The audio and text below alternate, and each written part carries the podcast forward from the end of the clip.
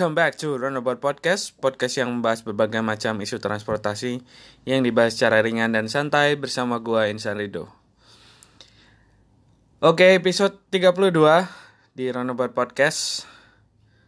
Kali ini gua akan membahas prestasi yang cukup membanggakan dari salah satu transportasi publik terbesar mungkin ya di Indonesia, ya Transjakarta berhasil mendapatkan satu juta penumpang dalam satu hari. Itu adalah yang akan gue bahas di episode kali ini. Kenapa Transjakarta bisa mendapatkan uh, penumpang sebanyak itu dalam satu hari di bulan Februari yang lalu, uh, dan apa saja yang mendasari uh, keberhasilan dari Transjakarta ini gitu. Dan gue juga akan bahas sedikit perbandingan dengan moda transportasi lain, baik di Indonesia maupun di uh, luar negeri. Jadi gue akan bahas mengenai satu juta penumpang Transjakarta di episode kali ini. Semoga bisa ngasih insights dan pengetahuan yang baru buat kita semua. Jadi stay tune di Roundabout Podcast.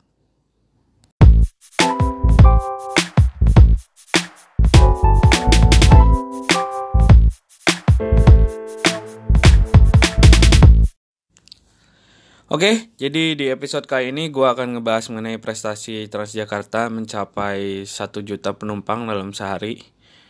Um, jadi 1 juta penumpang dalam sehari itu sebenarnya bukan setiap hari tentunya.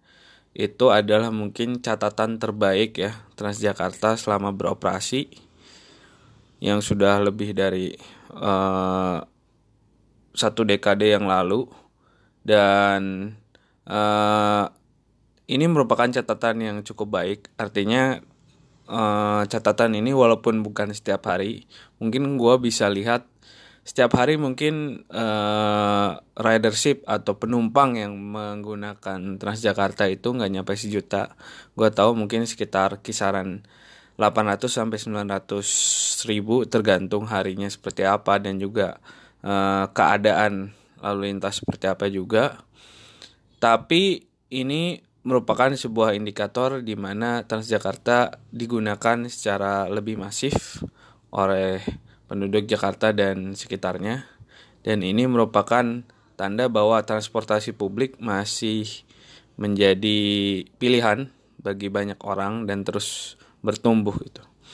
Dan 4 Februari kemarin uh, Transjakarta mencatatkan uh, penumpang per hari itu itu lebih dari satu juta. Jadi sekitar 1,01 kalau nggak salah. 1,01 juta. Dan uh, catatan ini tentunya mungkin akan terjadi lagi. Nggak tahu mungkin di waktu-waktu uh, ke depan mungkin beberapa hari tergantung harinya. Tentunya mungkin kita bisa menganalisis secara lebih spesifik ya kenapa hari itu bisa nyampe sejuta. Tapi memang ada tren yang terus berkembang dari tahun ke tahun Transjakarta. Dan gue akan menjelaskan mungkin sedikit beberapa alasan kenapa Transjakarta bisa mencapai satu juta penumpang gitu ya. Kalau ngelihat konteks sebenarnya satu juta penumpang itu sebenarnya gede atau kecil sih gitu ya Ya kalau kita coba bayangkan satu juta penumpang dalam sehari, nah, bayangkan misalnya, lu bisa bayangkan uh, per bis itu bisa uh, kapasitasnya berapa, terus lu kalikan dengan berapa kali trip yang ada sehari dan itu bisa mencapai satu juta. Menurut gue pribadi itu merupakan sebuah pencapaian dan dengan kondisi bahwa uh, di Indonesia ini masih didominasi oleh transportasi pribadi ini merupakan sebuah harapan dan juga uh, perkembangan yang cukup baik gitu. Dan kalau kita telaah kenapa bisa terjadi seperti ini itu gue lihat mungkin ada tiga faktor utama ya yang pertama, gue melihat uh, service dari Transjakarta ini sudah membaik. Artinya kalau kita lihat lagi walaupun mungkin secara umum masih banyak kekurangan di bidang kayak ketepatan waktu terus juga mungkin servis dari uh, para pegawainya mungkin ya tapi gue lihat secara servis dan ketepatan waktu sudah sedikit membaik artinya uh, kita bisa mulai rely ke uh, Transjakarta dan sudah mulai walaupun mungkin ada yang di cancel seperti biasa ya transportasi publik. Cuma menurut menurut gue ini merupakan suatu hal yang uh, baik artinya dalam konteks servis dari Transjakarta. Dan ini patut dipertahankan dan mungkin ditingkatkan lagi ya terutama mungkin lebih ke arah karena penumpang transportasi publik itu sangat relay terhadap uh, sistem yang memang bisa diandalkan gitu setidaknya kita bisa tahu uh, bisnya itu ada di mana, datang jam berapa, dan angkut akuntabilitas semacam itu tuh menjadi sangat krusial apalagi di kota metropolitan seperti Jakarta. Itu tuh sangat diperlukan agar orang tuh bisa menjadwalkan dengan baik gitu uh, perjalanan mereka gitu.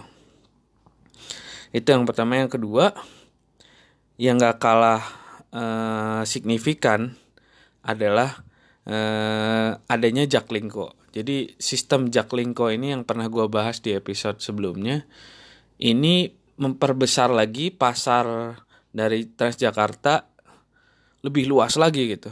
Dan tentunya dengan adanya mikrolet yang bekerja sama dengan uh, sistem Transjakarta dengan Jaklingko, lalu juga beberapa feeder yang lain misalnya Trans Jabodetabek dan lain-lain ini membuat uh, Transjakarta sendiri networknya semakin luas dan para pengguna mikrolet yang dulunya cuma naik mikrolet sekarang bisa menggunakan Transjakarta dengan uh, sistem yang terintegrasi gitu.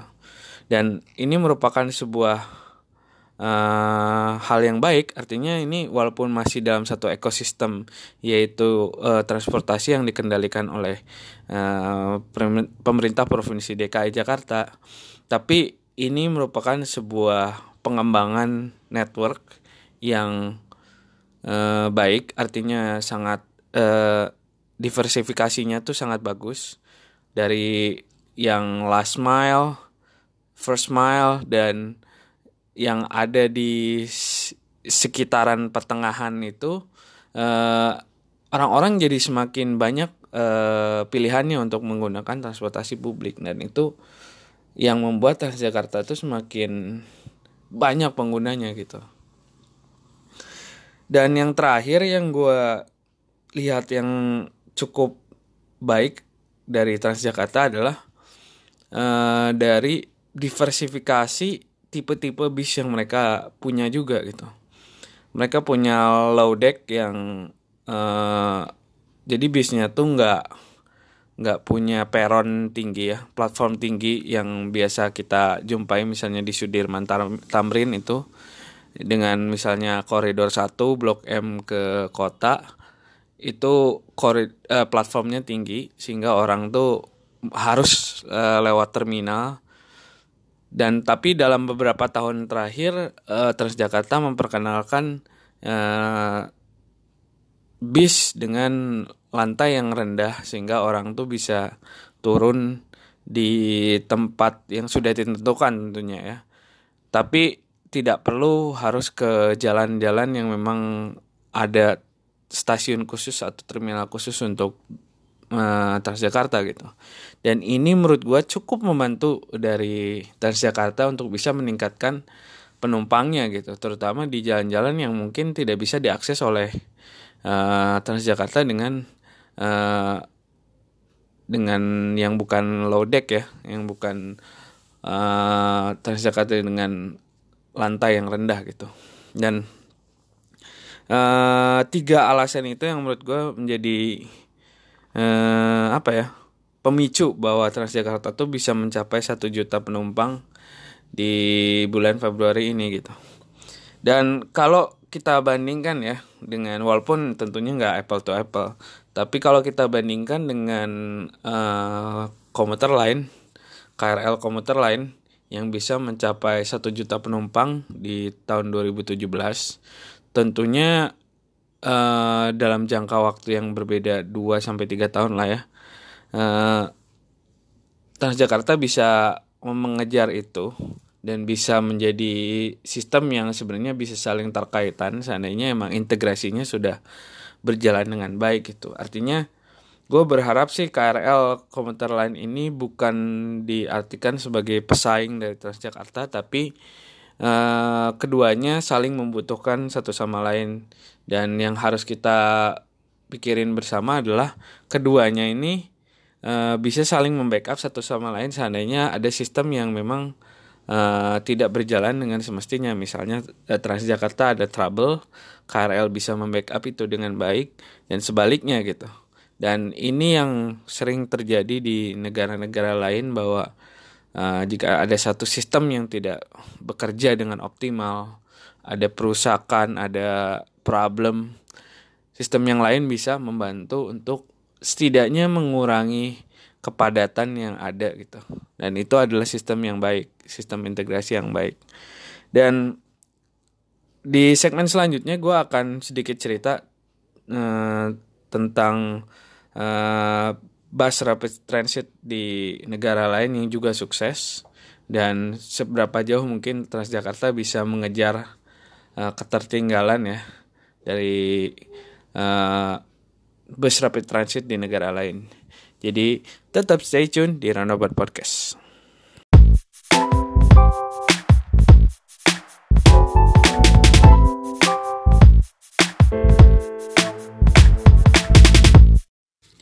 Oke, kembali lagi di Roundabout Podcast. Tadi gue udah ngebahas terkait uh, prestasi Transjakarta mencapai 1 juta penumpang per hari dan juga alasan dibalik prestasi yang dicapai Transjakarta tersebut. Jadi sekarang gue akan sedikit membahas terkait uh, mungkin dibandingkan dengan bus rapid transit yang lain yang ada di belahan dunia lain. Uh, tentunya kalau kita ngebahas mengenai bus rapid transit kita nggak bisa uh, melupakan salah satu bus rapid transit terbaik di dunia yaitu Transmilenio. Jadi Transmilenio ini adalah uh, bus rapid transit yang ada di Bogota. Jadi Bogota itu adalah uh, ibu kota dari negara Kolombia. Kolombia itu berada di Amerika Selatan. Jadi kalau yang lu kurang paham ya terkait lokasinya. Jadi uh, Transmilenio ini sudah berjalan lebih lama dari Transjakarta. Salah satu uh, sistem yang sudah berjalan uh, paling awal mungkin ya, yang dijalankan secara masif dan juga jalan juga sukses sampai sekarang gitu. Dan Transmilenio ini uh, merupakan salah satu percontohan juga dari bus rapid transit yang lain karena juga standarnya sudah lebih baik dan juga uh, penggunanya pun besar gitu. Kalau kita korelasikan dengan pencapaian Transjakarta 1 juta penumpang per hari, Transmilenio itu bisa mencapai 2,4 juta penumpang per hari. Jadi sudah lebih dari dua kali penumpang Transjakarta yang sudah dicatatkan uh, Februari yang lalu gitu. Dan ini merupakan uh, apa ya? Memang ibaratnya sudah menjadi standar yang tinggi gitu dari Transmilenio dan uh, Transjakarta tentunya harus belajar banyak gitu. Walaupun ini prestasi yang bagus, satu juta penumpang, tapi tentunya uh, Transmilenio ini yang bisa mencapai 2,4 juta penumpang per hari ini bisa menjadi pelajaran juga buat Transjakarta gimana sih ngasih servis yang baik gitu. Walaupun Transjakarta itu networknya atau jaringannya itu lebih luas, mungkin Transjakarta salah satu uh, apa ya bus rapid transit dengan jaringan terluas ya di seluruh dunia tapi Transmilenio bisa lebih besar penumpangnya per hari. Dan ini tentunya uh, pelajaran yang harus kita ambil bareng-bareng. Tentunya dari pengguna juga harus bisa lebih bijak dan harus terus menggunakan transportasi publik. Uh, dan dari pihak Transjakarta juga harus memperbaiki terus terutama dari servisnya di berapa koridor mungkin ya yang jadi koridor penting itu harus terus ditingkatkan itu. Dan pelajaran dari negara lain juga datang dari uh, Meksiko ya. Jadi Mexico City yang merupakan ibu kota dari negara Meksiko itu punya yang namanya Metrobus. Jadi sistemnya hampir sama dengan bus rapid transit dan penumpang per harinya dia bisa mencapai 1,8 juta penumpang per hari e, di tahun 2018 gitu. Dan lagi-lagi ini bisa melampaui dari pencapaian Transjakarta yang baru bisa dicapai 2020 gitu. Walaupun kita bisa ngelihat mungkin secara demografi uh, Bogota, kota Bogota dan juga Mexico City itu kurang lebih punya uh, kepadatan yang tinggi juga gitu. Dan merupakan ibu kota negara juga. Jadi ini sebenarnya bisa dikomparasikan dan uh, harus belajar banyak ya. Transjakarta satu juta penumpang merupakan penumpang eh merupakan prestasi yang baik. Uh, tapi tentunya kita nggak bisa terus santai santai-santai saja terlena dengan prestasi ini, tapi harus terus lebih baik ya, terutama dari segi servis, dari segi ketepatan waktu dan juga kapasitas mungkin dan itu yang harus e, dikejar oleh Transjakarta. Jadi mungkin itu dulu di episode kali ini semoga bisa ngasih insights dan juga pengetahuan yang baru buat kita semua dan kita akan jumpa lagi di episode Roundabout Podcast berikutnya. Jadi see you next time and have a nice day.